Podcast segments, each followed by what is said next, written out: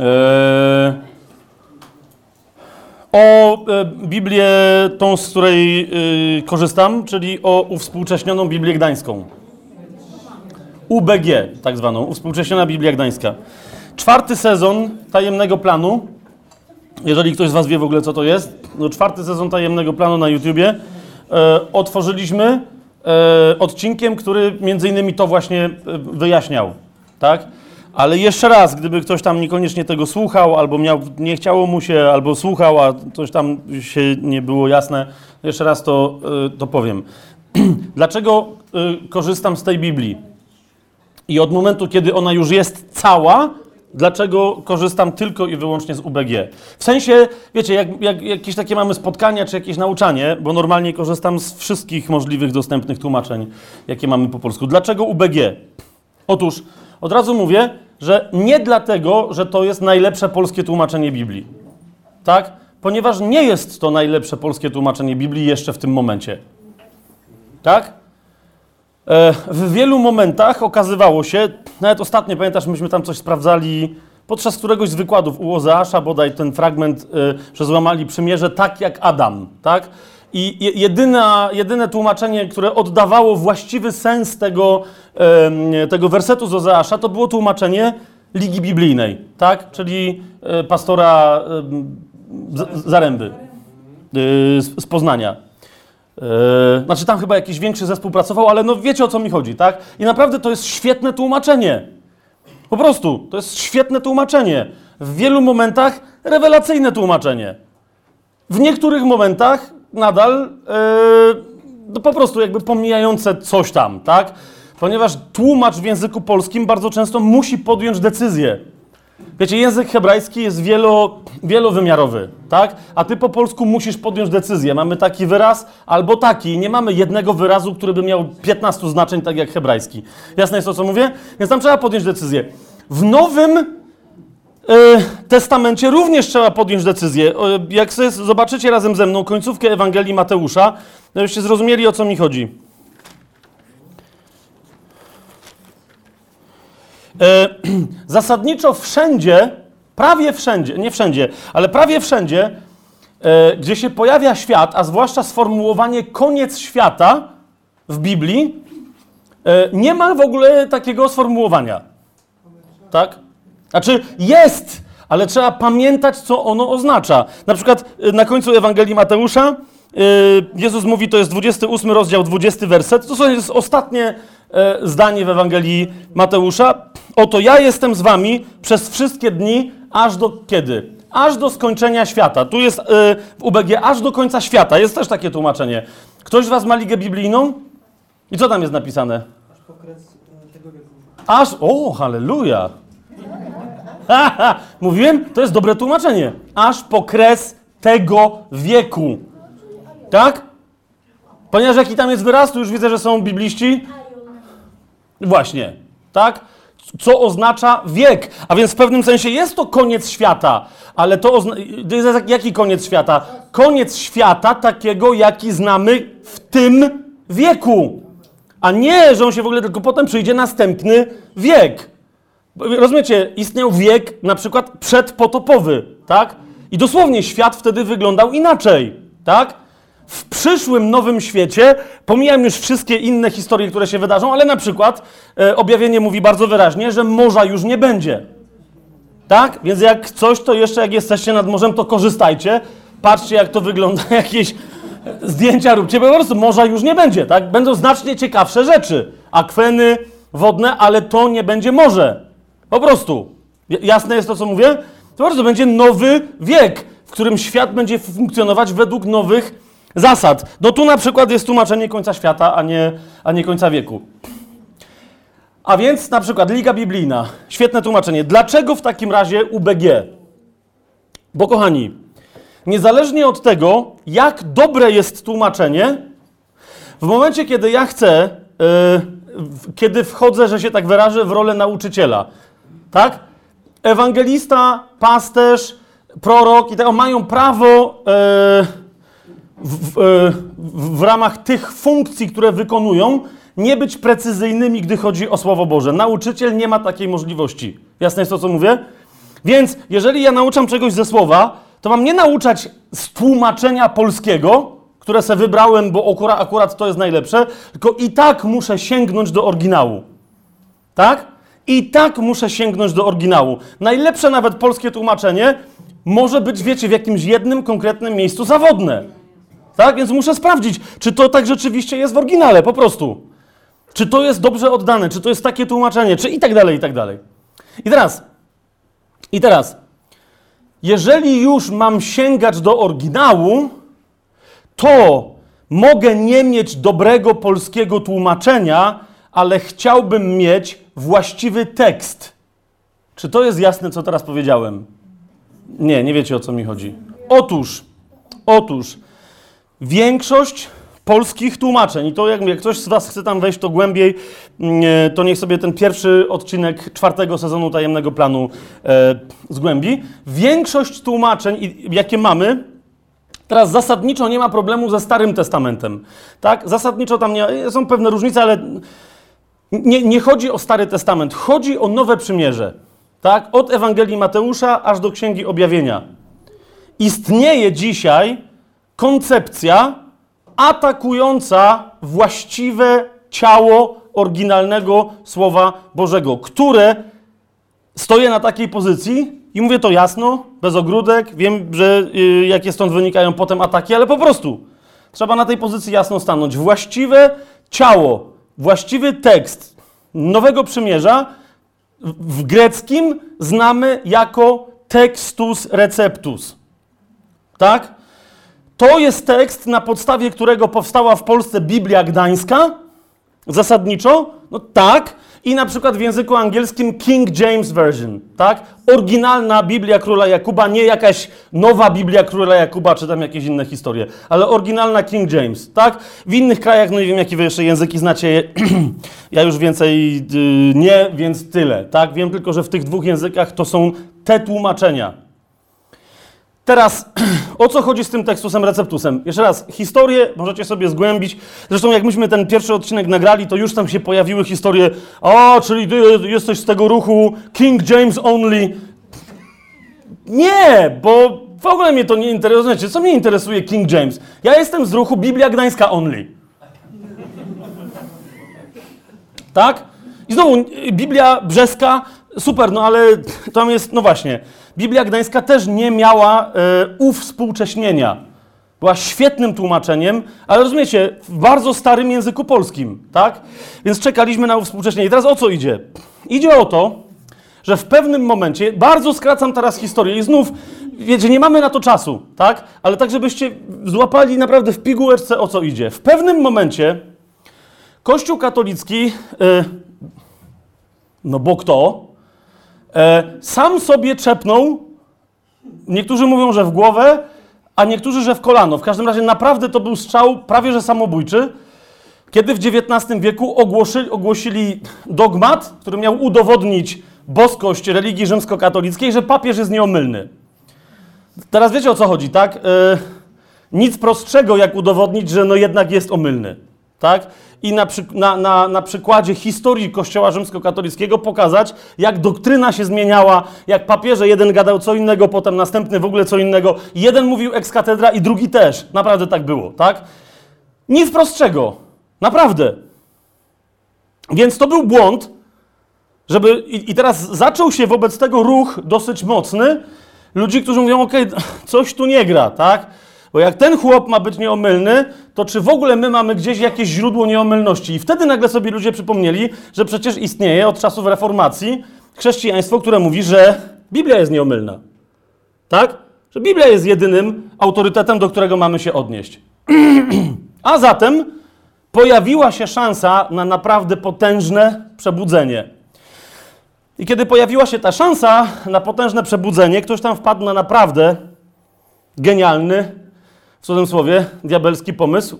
Mianowicie, zróbmy coś, żeby nikt nie wiedział, co jest właściwym Słowem Bożym. Po prostu. Tak? Po, po prostu. Zróbmy coś takiego. Wypój, powiedzmy, że hej, okazało się, że są jakieś inne manuskrypty, jeszcze starsze niż te, na których mieliśmy do tej pory jeden spójny tekst, bo ten jeden spójny tekst właśnie to jest Textus Receptus. Chodzi tylko i wyłącznie, jeszcze raz mówię, Textus Receptus to jest tekst grecki Nowego Przymierza. To jest jasne, o czym mówię, tak? Nie mówimy teraz o tekście hebrajskim. I nagle objawiły się trzy kodeksy, no nie, nie tak nagle, ale no tam dwa to się nagle objawiły, jako starsze od wszystkiego, co mieliśmy do tej pory, czyli kodeks aleksandryjski, kodeks watykański i kodeks synajski. Tak? Już słyszycie po tych nazwach, jakie są źródła cudowne e, tych kodeksów, tak? Aleksandryjski, watykański i synajski. Teraz oczywiście chodzi o to, że skąd one się wzięły, kto je tam posiadał. Niemniej e, te źródła, ktoś powiedział, mówi, o, to są stare źródła. Wszystko teraz musimy sprawdzić na bazie tych źródeł. Kapujecie, to jest tak, jakbyś na przykład, yy, jakbyście znali jedną osobę, na przykład pastora. Kto z was zna pastora do waszego? Kamila. Okej, okay, no jest, jest tam ze cztery osoby, super. Czajcie, no i są jakieś dokumenty, jest jego rodzina, są jakieś albumy rodzinne i tak dalej, i tak dalej. I w pewnym momencie ktoś się pojawia i mówi, to w ogóle, wy w ogóle nie wiecie, o kim mówicie. No nie? On za młodu był w Wehrmachcie. No tak, no bo on to przecież nie ma tych 26 lat, na które wygląda, tylko w rzeczywistości ma 87 i po prostu jest wampirem. No i teraz wy się śmiejecie, ale dokładnie taka koncepcja powstała. Rozumiecie, te trzy kodeksy, które się pojawiły, one dokładnie, rozumiecie, wy, wychynęły i teraz mamy parę naście w niektórych kwestiach, nawet parę dziesiąt tysięcy konkretnych fragmentów, które są ze sobą spójne. Rozumiecie, z wielu miejsc na świecie, różnych kopistów i oni piszą ten sam tekst, po czym nagle ktoś przychodzi i mówi, ale Jorzym znalazł jeszcze jeden, który się z nimi nie zgadza. To co z nim robisz? Podpałka, rozumiesz? Albo nie wiem, weź, weź go do muzeum, super. Jakiś kretyn się machnął, no ewidentnie, rozumiesz? Cała reszta ludzi kopiują wszędzie na świecie, bez internetu, bez niczego. I widzisz, że kopiują tak samo, jeden gość się machnął i ty mówisz, musimy to wziąć pod uwagę. Ale teraz niech będzie, że musimy to wziąć pod uwagę. Następny gość przyszedł i mówi: Nie, nie, nie tylko musimy to wziąć pod uwagę. To jest właściwy tekst. Dlaczego? Bo się różni od pozostałych. Znaczy, czy wy to słyszycie? No, gadaliśmy z Marcinem, który, o jest tutaj, yy, studiował teologię i grekę, i hebrajski i tak dalej, i sam to potwierdza, tak? Ja mówię, Marcin, to wiecie, jedna z tych, oni tam wynaleźli takie zasady, na przykład zasada naukowa, podam wam jedną z zasad naukowych. Jeżeli coś w tekstu z receptus ma jedno zdanie, ma 20 wyrazów, a w tym jednym manuskrypcie, którymś z nich to samo zdanie jest krótsze, czyli rozumiecie, jest obcięte, to znaczy, że to krótsze jest prawdziwe. Dlaczego? Bo krótsze musi być bardziej autentyczne. To co to oznacza? To oznacza, że jak za 2000 lat ktoś by według tej metody badał na przykład Sienkiewicza tylogię, a potem znalazł streszczenia do matury, to, to rozumiecie, to jest właściwy tekst. Streszczenia do matury, no a Sienkiewicz to jest podruba, no nie, to jest za długie. Po prostu, to jest za długie. No serio?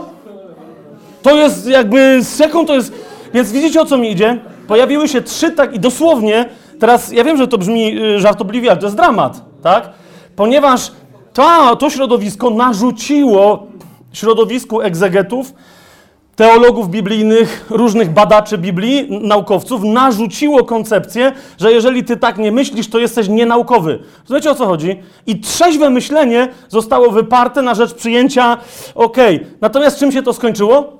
Tym się to skończyło, że następnie Kościół katolicki, który bardzo mocno, wiecie, bo wiecie, kto znalazł te, wiecie, kto znalazł te, te kodeksy, tak?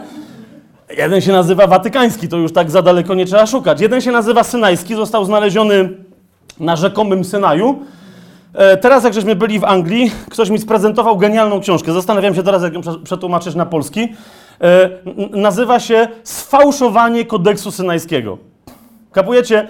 Rzecz w Wielkiej Brytanii jest tak znana, po prostu powstała na ten temat na początku XX wieku, książka cała na ten temat, włącznie z tym, że facet, który był przełożonym yy, klasztoru na tak zwanym Półwyspie Synajskim, gdzie tam niby stamtąd został wydobyty ten kodeks, jak zobaczył, jakie wieści na temat kodeksu znalezionego u niego w klasztorze, rozumiecie, się pojawiły, zapłacił za własne pieniądze, tam jakiś kościół prawosławny mu zapłacił, przypłynął do Wielkiej Brytanii, kapujecie z Egiptu, żeby powiedzieć, że ludzie, w ogóle to jest bez sensu, to jest ściema, to w ogóle nie było u mnie niczego takiego. Było co innego i to było w ogóle z XI wieku, nie z żadnego drugiego. Ogarnijcie się i tak dalej. Tak? Ale nikt go nie słuchał. Tak? Nikt go nie słuchał. Stara koncepcja Hegla, czy Marksa, czy któregoś tam z tych, z tych panów, którzy wtedy rządzili.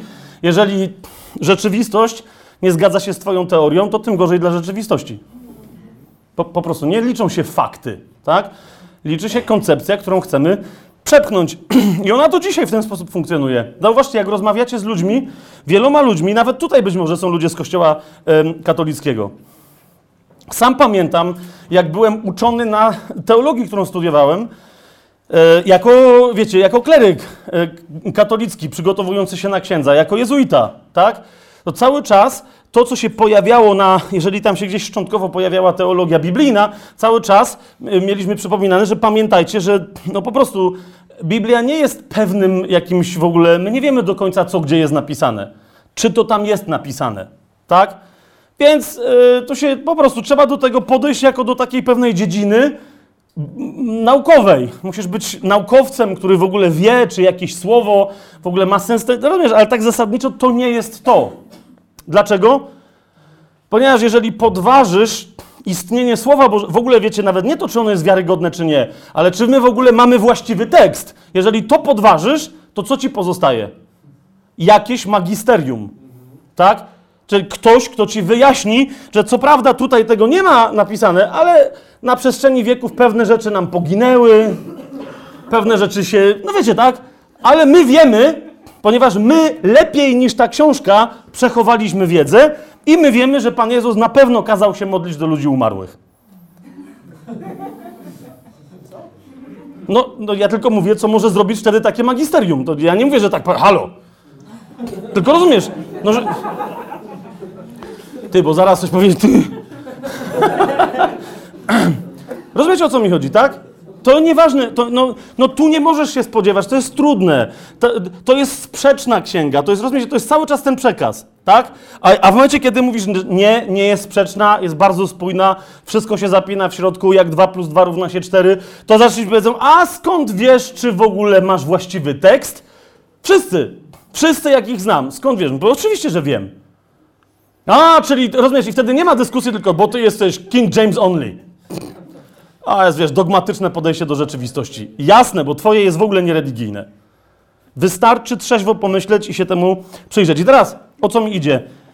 Uwspółcześniona Biblia Gdańska, mówiąc krótko, tak, nie, jeszcze raz mówię, ma naprawdę w tłumaczeniu w wielu miejscach mogłaby być lepsza. I wiem, że tam ta ekipa, która tam pracuje, głównie charytatywnie, to jest fundacja Najlepsze jest, że w ogóle prowadzona nie przez Polaków w Polsce, tak? która jest odpowiedzialna za, za wydanie tej Biblii. E, robią co mogą, żeby różnych Polaków zaangażować, żeby to współcześnienie było coraz lepsze. Ale o co mi idzie? Nie jest istotne, czy to tłumaczenie jest świetne. Jest istotne, że przynajmniej to tłumaczenie odnosi się do właściwego tekstu. Czy to jest jasne, co mówię? Podam wam tylko jeden przykład dla tych, którzy nie, ich nie. Naprawdę jeden tylko. Otwórzcie sobie pierwszy list do Tymoteusza. W trzecim rozdziale. I teraz y, zobaczcie, y, jak w tych niby oryginalnych tekstach, jak czasem zmiany były wprowadzane, ponieważ to byli gnostycy, którzy je wprowadzali, tak? Były wprowadzane bardzo drobna zmiana. Jak ktoś czyta szybko, pobieżnie, nie zwróci na coś uwagę, to. Ale ponieważ to byli ludzie, popełniali istotne, karygodne, kretyńskie błędy, tak? Na przykład. W pierwszym liście do Tymoteusza, w trzecim rozdziale, po, e, pojawia się objawienie, którym Paweł dzieli się z Tymoteuszem, wielkiej tajemnicy pobożności. I teraz, jak możecie mi przeczytać, tylko nie z UBG, ale z jakiejś innej Biblii, to jest trzeci rozdział, szesnasty werset. Co tam masz napisane? Bez wątpienia wielka jest tajemnica pobożności, pisze Paweł. A niezaprzeczalnie wielka jest tajemnica pobożności. Ten, który objawił się w ciele, dostąpił... Okej, stop, stop, to, to już wystarczy. Ten, który objawił się w ciele i tak dalej. Spójrzcie na mnie. Yy, czy o mnie można powiedzieć, że ja się też objawiłem w ciele? Oczywiście, że tak. O każdym z nas można powiedzieć, że się objawił w ciele. Zgadza się? Zatem mamy pewien, czy- czyli krótko mówiąc, wielka jest tajemnica pobożności. Na czym polega? No, że jakiś człowiek, czyli, ale po co mówić, że ten, który objawił się w ciele? No, ale jakiś człowiek, co mamy dalej napisane? Został usprawiedliwiany w duchu, widziany był przez anioły, głoszony był poganom, uwierzono mu na świecie, wzięty został w górę do chwały. No, pytam się, ale gdzie jest tajemnica? Zauważcie, każdego z nas to czeka. Zauważcie, teraz, a gdzie jest tajemnica pobożności? Uważajcie, czytam wam, jak wygląda oryginalny tekst, i teraz chodzi mi o to, że w UBG to jest. Uważajcie. I patrzcie na swoje teksty. Bez wątpienia wielka jest tajemnica pobożności. Bóg objawiony został w ciele. Widzicie to? I teraz to jest, no to jest, i to jest coś, na co wiesz poganom i wszystkim może opaść szczena, że o! Jak to? No właśnie, widzisz, to jest tajemnica. Bóg objawiony został w ciele, tak? Jak tego nie, ten, który objawił się w ciele i teraz, i co, y, tajemnica jest gdzie? No gdzieś tam jest, a dobra, walisz taką tajemnicę, bo to jest też takie...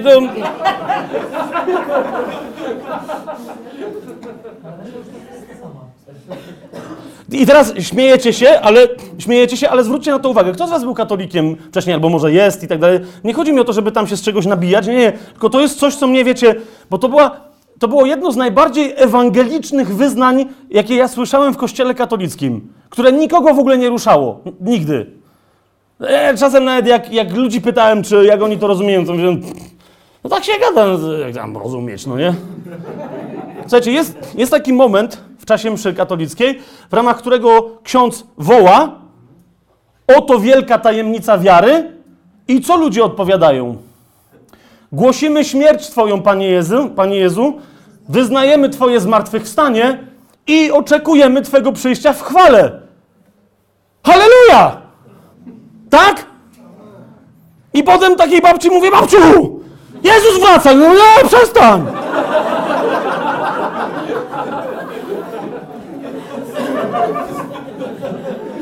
Mam świadków. Teraz to, nie, to, to, co teraz powiem, nie jest naprawdę żartem. Mam świadków, nawet tutaj na tej sali. Yy, chyba. Jedną osobę.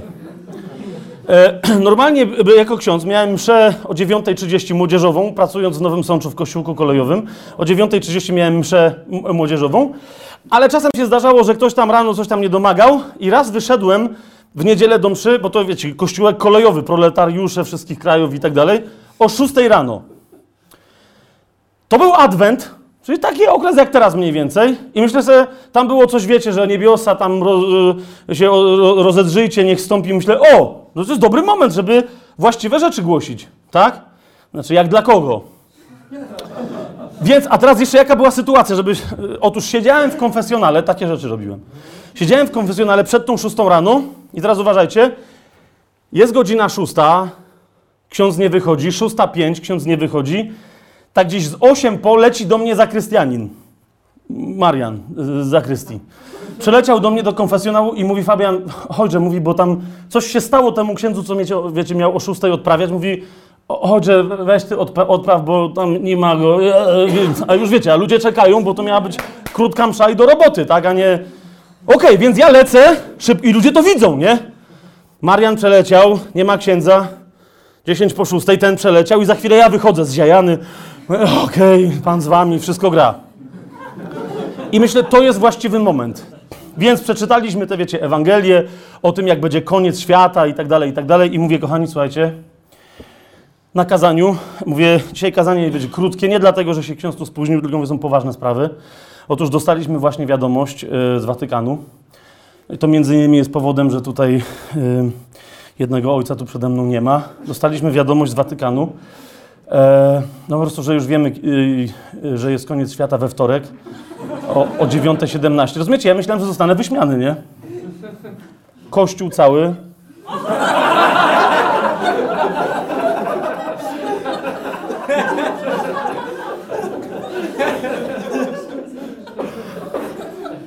Rozumiecie?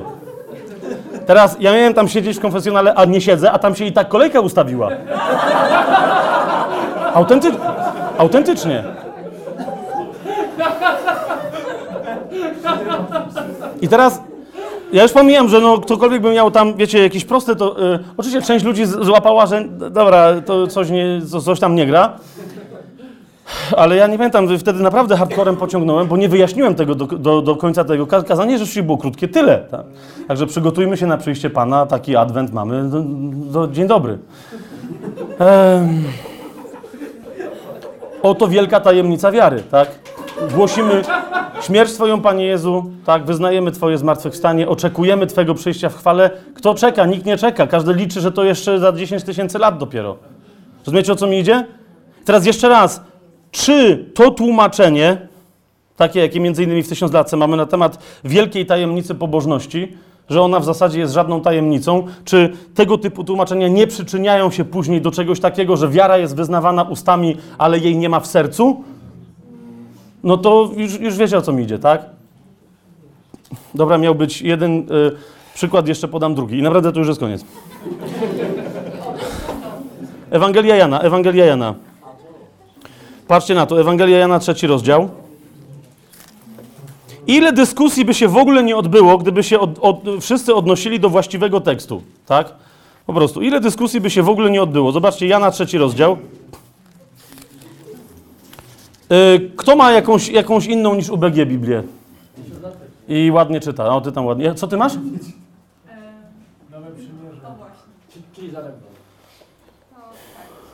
Nowe przymierze, to okej, dobra. Zaręba. Dobra, trzeci rozdział. No to zobaczymy. Trzeci rozdział, trzynasty werset. Pan Jezus tam mówi o sobie. Przeczytaj, co on tam mówi o sobie. Trzeci, rozdział Ewangelii Jana, trzynasty werset. Nikt z ludzi nie przebywał w niebie. O niebie może mówić tylko ten, który sam tam przyszedł, Syn Człowieczy. Słyszycie to, tak? Wszystko się zgadza? Eee, już, przede wszystkim już się coś nie zgadza w momencie, kiedy Syn Człowieczy, skąd się ma nagle z nieba brać, jeżeli jest człowieczym synem, tak? Ale Ewangelia, e, Księga Daniela, okej, okej, okej, okej. Był w niebie, jest na ziemi, wszystko gra. Teraz posłuchajcie, jak brzmi oryginalny tekst. Jeszcze raz powtarzam, textus receptus. Nikt nie wstąpił do nieba, tylko ten, który zstąpił z nieba, Syn Człowieczy, który jest w niebie. Cześć! Gość gada, w sensie gość, Pan Jezus gada z drugim gościem, z Nikodemem i mówi mu o sobie, że jest Synem Człowieczym.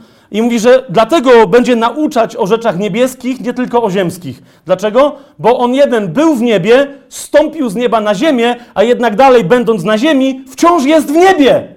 O czym to świadczy? To właśnie. To właśnie. Wszędzie tam, gdzie się pojawiają te oczywiste teksty, w których Jezus, na przykład tak jak tam, wielka jest tajemnica pobożności, albo tu, Syn Człowieczy, który zstąpił w nieba z nieba i który jest w niebie, tak? Wszędzie tam one są, wiecie, cięte, tak? Oczywiście, że nawet po tym wycięciu my wciąż prawdę na przykład o bóstwie Jezusa widzimy naprawdę klarownie w Biblii, ale wciąż ta klarowność wiecie, na tyle zdołała być przyćmiona, że ci, którzy lubią przyćmienia, na bazie tych przyćmień budują potem jakieś dziwne e, doktryny. Tak? A inni naprawdę szczerze szukając Boga, bo teraz chciałbym, żebyście zrozumieli, ja tego nie mówię o tym, że tam ktoś jest głupkiem, tak? Ale że inni szczerze szukając Boga, mówię teraz na przykład e, o świadkach Jehowy, tak? Spotkaliśmy w ciągu ostatnich dwóch lat ogromną rzeszę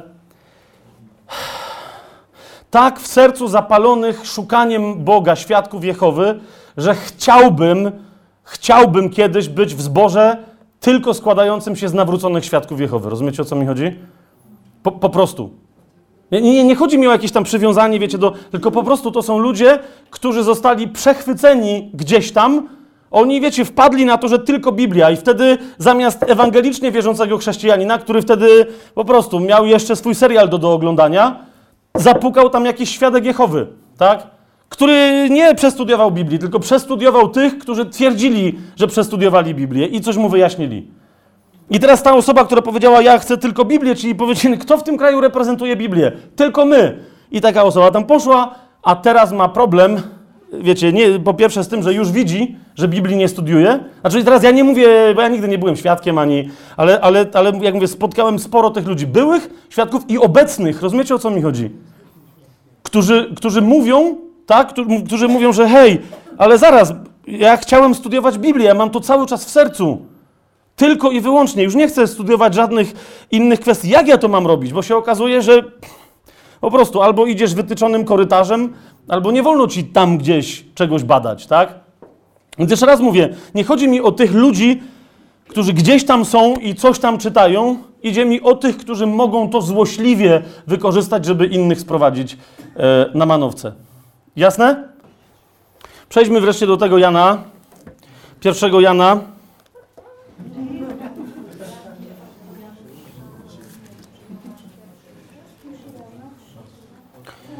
Pierwszy Jana 3. I chociaż y, naddziubnijmy to, zanim zaczniemy dziubać pizzę, ok?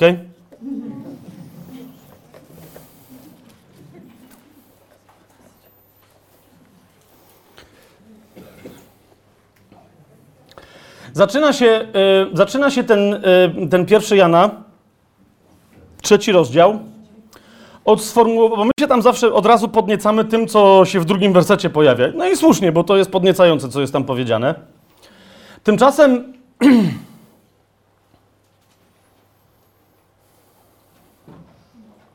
zwróćcie uwagę dosłownie na pierwszą część pierwszego zdania w pierwszym wersecie. Patrzcie, jaką miłością obdarzył nas Ojciec. I nawet nie, nie chodzi o to, co jest dalej. Patrzcie, jaką miłością obdarzył nas Ojciec. Jeszcze raz powtórzę. Patrzcie, jaką miłością obdarzył nas Ojciec. Dałbym tu kropkę. Dałbym tu kropkę. Czasem ludzie mnie pytają, co ja teraz mogę w swoim życiu chrześcijańskim zrobić. Mówię mu pierwszy Jana, trzeci rozdział, pierwszy werset. Patrzcie, jaką miłością obdarzył nas Ojciec. Pierwszych sześć wyrazów. I tyle. Patrz, jaką miłością obdarzył Ciebie Ojciec. Patrz, jaką miłością obdarzył Cię Ojciec. Jeszcze raz mówię, patrz, jaką miłością. I teraz mówisz, ale, e, e, czyli na co mam patrzeć? Patrzcie, jaką miłością obdarzył na, nas Ojciec, że zostaliśmy nazwani dziećmi Bożymi. Teraz nie tylko zostaliśmy nazwani, ale zauważcie w drugim wersecie jest powiedziane, że nie tylko zostaliśmy nazwani, ale że nimi jesteśmy. Umiłowani, teraz jesteśmy dziećmi Bożymi. Więc jeszcze raz, wróćmy do pierwszego wersetu. Patrz, jaką miłością obdarzył Cię Ojciec, że jesteś nazwana córką Boga, że jesteś nazwany synem Boga. Jak, jaka sensacja tam się kryje? Jaka niezwykłość tam się kryje? Weźcie te, tego samego autora weźmy, przeskoczmy do Ewangelii Jana, yy, do pierwszego rozdziału najpierw. Teraz widzicie, my, yy, no zaraz powiem trochę, trochę może strasznych rzeczy, ale yy, wiecie, wiecie, że ja to mówię, kurde, bo, bo was kocham, no nie? A jak nie was, to siebie przynajmniej. Naprawdę dos, dosyć, dosyć się lubię, no nie? I teraz to, co za chwilę powiem, służy naprawdę, mam nadzieję, naszemu wzrostowi. Jeżeli to nie jest prawda, co za chwilę powiem, to słowo, nawet nie mówcie, nawet, nie, nawet mnie nie kamienujcie. Powiedzcie mi, żebym poszedł, sam się ukamienował. I tak naprawdę tak zrobię, jeżeli to nie jest prawda. Bo nie ma sensu żyć wtedy. Spójrzcie, Ewangelia yy, Jana, pierwszy rozdział, wersety yy, 12 i 13. Tam jest mowa o Chrystusie, o wcielonym Słowie Bożym. Wszystkim tym, którzy go przyjęli, znaczy Jezusa, dał moc, aby się stali synami Bożymi. To jest tym, którzy wierzą w Jego imię. Którzy są narodzeni nie z krwi, ani z woli ciała, ani z woli mężczyzny, ale z Boga. Widzicie to? Co, je, teraz zauważcie, e, ja wiem, że ja czasem gadam takie rzeczy, zwłaszcza, natomiast czasem ewangeliści się na mnie denerwują, tak? Bo ja mówię takie rzeczy, których oni często nie głoszą, ale potem zaczynają rozumieć, że to nie o to chodzi, że, oni, że ja głoszę coś innego, tylko że oni muszą zgłosić, głosić skrótowo, bo, bo oni mają tylko pozwolić duchowi dotknąć człowieka, tak? Ale jak rozważamy pewne prawdy, zauważcie, zauważcie, wiara w Jezusa co robi w człowieku? Daje mu moc, żeby się stali dziećmi bożymi, tak? Ale ta moc co de facto wykonuje? Że Bóg rodzi cię do nowego życia. Nie może być bowiem inaczej, jeżeli nie jesteś zrodzona, czy nie jesteś zrodzony z Boga, nie możesz być dzieckiem Boga, po prostu. Tak? Nie możesz być dzieckiem Boga. Jak, jak może żyrafa urodzić słonia? Ja wiem, że są ewolucjoniści i oni mówią, że w sumie docelowo to wszystkich urodziła zupa, która nie żyła na początku. No ale okej, a propos potwora spaghetti, tak? Co kto lubi? Co kto lubi? Jeżeli kogoś urodzi Bóg, ten musi być jego dzieckiem, jego synem albo jego córką. Jeżeli jesteś y, córką Boga i jesteś synem Boga, to znaczy, że Bóg podjął operację poczęcia cię i zrodzenia. Rozumiesz? To jest twój autentyczny ojciec, autentyczny rodziciel, prawdziwy. Teraz nie chodzi mi o to, że ci rodzice, którzy cię zrodzili, że oni są nieprawdziwi. Chodzi mi tylko o to, że my najpierw w tej perspektywie powinniśmy żyć. Popatrzcie, jaką miłością obdarzył nas ojciec. On nas nie adoptował. Rozumiecie? To jest, to jest istotne, bo słyszę często to nauczanie, że my jesteśmy adoptowani w Chrystusie. Czyli co, Kościół to jest co? Sierociniec? No często, rozumiecie, często tak jest, no nie? Ludzie czują się adoptowani. Niektórym się głosi, że, że tak naprawdę w ogóle w środku się nie zmienili. Rozumiesz, że tak naprawdę jedyne, co cię ratuje, to jest uporczywe trzymanie się krwi Chrystusa jako czego? Jako przykrywki. Rozumiesz, jesteś syfiarzem undercover. Po prostu chodzisz pod krwią Chrystusa i sęk w tym, żeby przed, jak już staniesz przed Bogiem, żeby, prze, rozumiesz, żeby się w miarę nie ruszać za Jezusem, żeby takim, wiesz, obra- krew Chrystusa, krzyż, to wszystko i ty musisz stanąć za tym i Bóg popatrzy i Bóg za każdym razem mówi, a, to mój syn, okej, to wejdź. No i tak, o, znowu mój syn, wejdź, no nie, o, cześć synu, chodziłeś już dwa razy. No i tak Bóg się nie orientuje, mówi, o, w kółko mój syn wchodzi. Nie wychodzi, ale normalnie w kółko wchodzi. Super, zapraszam. W sumie jest Bogiem, to może w kółko wchodzić i nie wychodzić. Nie wiem, co się tu dzieje. Rozumiesz, a ty się przesmykujesz do nieba, tam po prostu za tym, jak już wejdziesz, okej, no już stąd, no to już Bóg nie jest, tak, gość w dom, Bóg w dom, no to cię przyjął, tam, okej, no to już siedź, zjedzmy kolację. A rozumiesz, a w tym nauczaniu, które Jezus przekazuje, mówi, że przyjdą z Ojcem. On z Ojcem w duchu przyjdą do ciebie i będą w tobie wieczerzać. Będą w tobie przebywać, tak? Będą mieć upodobanie w przebywaniu w tobie. A ty od tej pory stajesz się kim? Bo to jest dla mnie jedno z najbardziej poruszających e, imion chrześcijańskich. Ty się od tej pory stajesz współdomownikiem Boga. Co rozumiesz, co się tam dzieje? Jezus, który powiedział: Ja jestem bramą dla owiec, naprawdę dla ciebie jest bramą stojącą szeroko otwartą, tak? I przez rozdartą bramę jego ciała, jak mówili do Hebrajczyków, mamy pełną śmiałość, żeby natychmiast wchodzić przed Ojca. Czujesz to? Ja nie wiem na przykład, jak wy macie. Ja już teraz do moich rodziców, jak za, zachodzę, to tam do nich pukam, no nie? Zawsze się głupio czuję, bo mają na drzwiach naklejkę, że akwizytorom mówimy nie. I... Ale wiecie, no tak będę wchodził, to wiecie, nie moje mieszkanie, tak? Więc nawet do swoich rodziców, no pukam, tak? Gdzie masz takie miejsce, do którego nie pukasz, jak wchodzisz? Swój dom, tak? Swój dom, rozumiesz? I jest tam, nie wiem, żona w domu, mąż, ktoś tam, rodzice, ale wiecie, jeżeli mieszkacie razem, tak? Jeżeli jesteś współdomownikiem, to wchodzisz. Się nie pytasz, rozumiesz? Wchodzę do domu, Madziu, yy, nie wiem, czy jeszcze jestem akceptowany pod tym dachem. I moja żona mówi, no nie, sprawdzę tam w notatniku, no nie, jaki jest aktualny twój wynik. Tylko rozumiesz, wchodzę nie jak do siebie, ale wchodzę do siebie. I jeżeli ktoś wchodzi jak do siebie, to ma w ryj. Znaczy rozumiesz, no bo wiesz, to zwykle to jest zarzut, tak? Co tak wchodzisz jak do siebie? Rozumiesz, co? To, nie do siebie wchodzisz. No i ty od razu wiesz, okej, okay, następnym razem halo, halo, czy mogę wejść? Mam tę łaskę, czajcie? A, a Słowo Boże jest klarowne w tej kwestii list do Efezjan, ale nie tylko. Mówi, że staliśmy się współdomownikami Boga. Dalej. 1 Jana 3,16. Ja, ja wiem, że o, to jest wyeksplo, e, wyeksploatowany fragment, ale, ale pff, przeczytajmy już go tak, jak on... Pierwszy, co ja gadam, Jana 3,16, nie pierwszy Jana. Jana 3,16.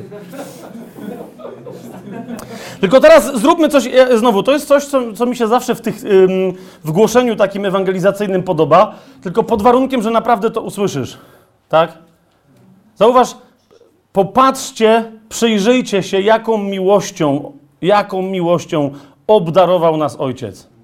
Teraz co tam jest napisane. Bóg tak bowiem ukochał świat. Ale teraz weź zrób takie, weź zrób taki, tak, taką, taki trik. Naprawdę, ten taki stary ewangelizacyjny trik, bo to jest prawda. Nie istnieje nic takiego jak świat, kiedy Bóg patrzy na świat, widzi ciebie.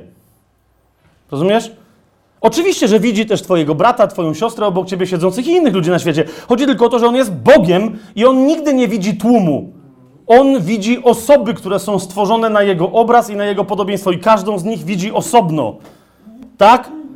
A zatem Bóg widzi ciebie. Jeżeli więc Bóg umiłował świat, to kogo umiłował? Mnie. No jest odpowiedź. Mnie. Nie ciebie, tylko mnie. Okej, okay, jak, jak masz na imię?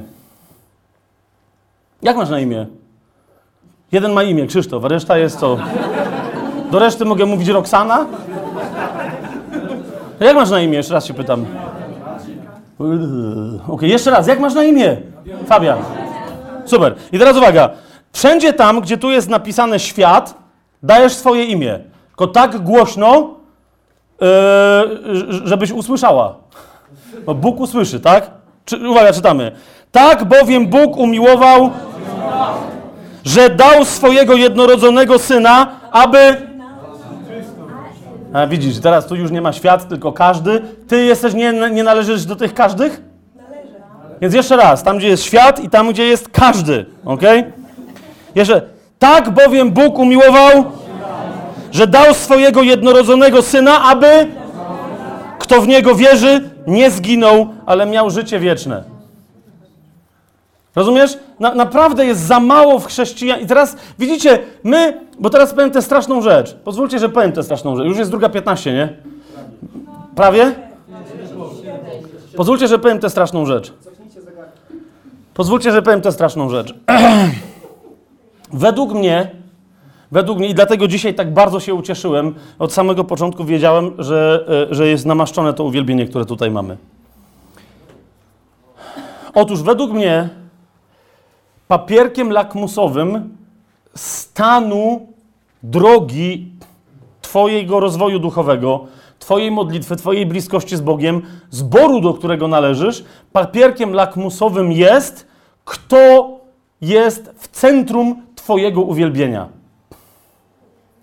Jeżeli w centrum Twojego uwielbienia jest Jezus, to znaczy, że jesteś dopiero na początku drogi. I być może sam fakt ten, że w centrum Twojego uwielbienia jest Jezus, powoduje, że nie możesz się ruszyć dalej. Ponieważ ktoś Ci wmówił, że Jezus musi być centrum Twojego uwielbienia. Czy ja mówię, czy ja mówię, że Jezus nie powinien być czczony? Oczywiście, że powinien. Ewangelia Jana na przykład, ale nie tylko, mówi o tym bardzo wyraźnie, tak? Że cześć należy się i Ojcu, i Synowi. Tak? To jest jasne. Ja nie o tym mówię. Mówię tylko o tym, że jeszcze raz cześć należy się komu? Ojcu i Synowi. Tak? W Duchu Świętym. Tymczasem, kapujecie, są takie zbory, w których o tym powiedziałem. Nie wiedziałem, że aż takie, wiecie, taki ferment tam gdzieś wzbudzę, mówiąc, że jeżeli ktoś nie wielbi Ojca, to znaczy, że jest uwielbieniem Jezusa jest coś nie tak. Raczej nagle e, w, jedny, w jednym zborze podchodzi do mnie tam lider uwielbienia i mówi, ty, my nie mamy w ogóle żadnej, są w ogóle piosenki jakieś do Ojca? I to jest dobre pytanie. A teraz zauważcie, gdzie mamy całą kulturę chrześcijańską ustawioną. Czajcie o co chodzi? Popatrzcie jeszcze raz, co jest napisane. Tak bowiem Bóg, czyli kto? Ojciec. To jest wola decyzyjna. Chrystus, kiedy już wszystkich nieprzyja nieprzyjaciół położy pod swoje stopy, co następnie zrobi? Sam siebie podda Ojcu, bo na tym polega miłość, tak? Więc kto? To jest jego Bóg, umiłował Ciebie jak? Tak, że dał swojego jednorodzonego syna. On go dał. To jest Jego akcja, rozumiesz? Po czym my stajemy, czy mam jakiś problem z tym, że stajemy i wielbimy Jezu, bardzo Cię uwielbiam, że umarłeś za mnie na krzyżu, halleluja, Twoja krew, uwielbiam to robić. Ale teraz powiedz mi, czy zaraz potem nie powinna przyjść druga pieśń, która mówi: Bądź uwielbiony ojcze, że umówiłeś się ze swoim synem. On był cudowny, że się zgodził, a ty byłeś tak genialny, że mnie tak umiłowałeś. Rozumiesz, kto cierpiał bardziej, kiedy Jezus umierał na krzyżu? Jezus czy ojciec? Zaraz widzicie, to jest pytanie głupie. Dlaczego? Ponieważ jest kompletnie poza możliwością ogarnięcia tego przez nasze umysły. Za każdym razem, jak mówię o śmierci Jezusa, i teraz to znowu zrobiłem, więc musimy to powiedzieć, mówię o tym, że mamy troszkę nieporozumienie, gdy chodzi o to, co Jezus wycierpiał na krzyżu. Ok? Pierwsza rzecz, pierwsza rzecz, zrozum. Pamiętasz, jak każdy z nas to słyszał, tak? Że Jezus na krzyżu cierpiał. Co cierpiał? Za co? Za nasze grzechy. Okej, okay. teraz zwróćcie uwagę na to. Czego my słuchamy i w co chcemy wierzyć? Gdyby Jezus nie umarł za moje grzechy, to kto musiałby cierpieć za moje grzechy? Ja! Teraz uwaga, na czym polegałoby to cierpienie? Na tym, żebym poszedł do piekła, co nie wiecie? A, no właśnie, ale niektórzy już zaczęli myśleć. Teraz rozumiesz, co się stało na krzyżu? To nie jest tak, że Jezus po prostu bum, trzy godziny cierpiał i powiedział, okej, okay, dobra. Jezus, żeby jego ofiara była ważna, musiał przecierpieć, uważaj, całą twoją karę. Rozumiesz? Ktoś musiał przecierpieć całą moją karę i twoją. A zatem Jezus, będąc Bogiem, był w stanie poza ograniczeniami czasowymi wziąć na siebie całą karę Twojego potępienia wiecznego, które na czym polega? Na oderwaniu od Ojca. Tak? W którym momencie się to stało? W tym, o którym Paweł parokrotnie mówi, w tym, w którym, jak mówi Paweł, on sam stał się za nas przekleństwem na krzyżu. Tak?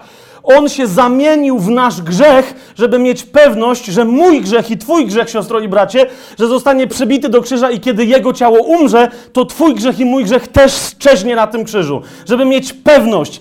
Dlatego, rozumiesz, jak Ci go kusili i powiedzieli, jak jesteś taki cwany, jak jesteś Synem Bożym, to zejdź z krzyża. Jezus mógł zejść, ale to by oznaczało ich potępienie. Więc będąc pod ich wyśmianiem i pod ich wypluciem, przytrzy, opluciem, przytrzymał ich, krzy, ich grzech na drzewie krzyża, żeby mieć pewność, że nawet to, co w tym momencie robią, nie będzie im policzone. Ale rozumiesz, w momencie, kiedy on krzyczy, i oczywiście, że rozpoczyna wtedy odmawianie, wielokrotnie o tym mówiłem, odmawianie Psalmu 22. Boże mój, Boże mój, czemuś mnie odpuścił. To, to fakt, że on odmawia ten psalm, nie znaczy, że wykonuje go w sposób religijny. Oto wreszcie przyszedł czas i pojawił się człowiek w tym czasie, który może powiedzieć ten tekst. A zatem, kiedy Jezus mówi: Boże mój, Boże mój, czemuś mnie opuścił, daleko od mojego zbawcy słowa, mojego jęku, to on, to on nie cytuje Dawida. To Dawid cytuje Jezusa, bo jest prorokiem. Rozumiecie? On mówi ten tekst, to jest jego tekst. Więc jeżeli mówi, Boże mój, Boże mój, czemuś mnie opuścił, to mówi prawdę. To jest dokładnie ten moment, w którym on wiedział, że staje się Twoim i moim grzechem, żeby go dognieść i skończyć raz na zawsze na krzyżu. Nawiasem mówiąc, jak zobaczycie po hebrajsku 22 psalm, kończy się, ostatni e, wyraz w tym psalmie oznacza właśnie wykonało się tak? Jak to, ten wyraz pojawia się w całym zdaniu, to wtedy ma nieco inne znaczenie, ale jak go weźmiesz jako ostatni wyraz, on też działa samodzielnie i oznacza, że wykonało się. Jezus od tego momentu aż do swojej śmierci mówi cały psalm 22, tak? I dlatego w środku tego psalmu opowiada, przebili ręce i nogi y, moje. Przy, język przysechł mi do podniebienia jak skorupa, osoczy, osaczyli mnie, rzucają losy o moją suknię. Pamiętacie? Kto inny mógł to powiedzieć? Teraz jeszcze zobaczcie na tych wszystkich faryzeuszów uczonych w piśmie, którzy tam stoją, wiedzą, co Jezus mówi. Eli, Eli, lema sabachthani. Jak mogli nie znać tego psalmu? Za każdym razem, przy każdym umierającym w Izraelu powtarzali ten psalm, bo był traktowany jako modlitwa nad umierającym. To oni nie, na ich oczach się rozgrywało to, co w tym psalmie było zapowiedziane i wciąż woleli powiedzieć, on Eliasza woła, żeby mu pomógł. Więc teraz rozumiesz, czy co się, kiedy Jezus wziął kielich i powiedział, ojcze, zabierz ode mnie ten kielich, to jemu nie chodziło o to, że on nie chciał za ciebie umrzeć. To rozumiesz, tak, taki gość, Jezus, od początku, od małego przyzwyczajony do cierpienia, jak Słowo Boże o tym świadczy, to ten kielich, którego nie chciał pić, to był kielich oddzielenia od Ojca. Teraz rozumiesz, jeżeli on go nie chciał pić, to zdajesz sobie z tego sprawę, że również ojciec powiedział to samo? Ale jeżeli nie powiedział, to musiał mieć to samo w sercu. Synu, ja też nie chcę pić tego kielicha, bo nie chcę nigdy ani na chwilę być od ciebie odłączony. Nigdy, ani na chwilę. Ale się na to zdecydował. Teraz widzisz, pytanie moje brzmi: jak bardzo widzisz miłość, jaką obdarował nas Ojciec? Za jaką cenę zostaliśmy nazwani dziećmi Bożymi i rzeczywiście nimi jesteśmy? Za jaką, czy to jest cena, którą tylko Jezus zapłacił? Pamiętasz ten moment opisany w Księdze Objawienia, kiedy jest powiedziane, że w niebie zapadła cisza na pół godziny? Pamiętacie ten fragment? On się niekoniecznie wiąże z ukrzyżowaniem, to jest, to jest teraz inny temat, ale jestem przekonany, że kiedy Jezus umierał, tam, rozumiecie, tam cisza zapadła na cały ten czas, kiedy Jezus wisiał na krzyżu. Na cały ten czas, kiedy na ziemię stąpiła ciemność, bo Jezus powiedział wyraźnie, że nadchodzi godzina ciemności. Ale zaraz po tym, jak Jezus krzyknął, teraz sprawdź, siostro i bracie, to jest ostatnie, co teraz powiem przed przerwą, ale sprawdź to. Zaraz po tym, jak Jezus krzyknął, jaką masz wizję, co się stało? Lunął deszcz?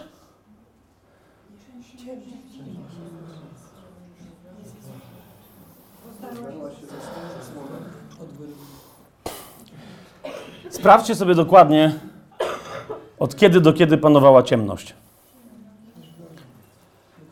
Jak Jezus krzyknął, wykonało się, wyszło słońce. Koniec z oglądaniem filmów, nawet najlepszych, nawet Mela Gibsona, zamiast czytania Pisma Świętego. Trzęsła się ziemia, zmarli wychodzili z grobów i wyszło słońce. Ponieważ Biblia mówi wyraźnie, że w tej godzinie ciemność się skończyła. Rozdarła się zasłona.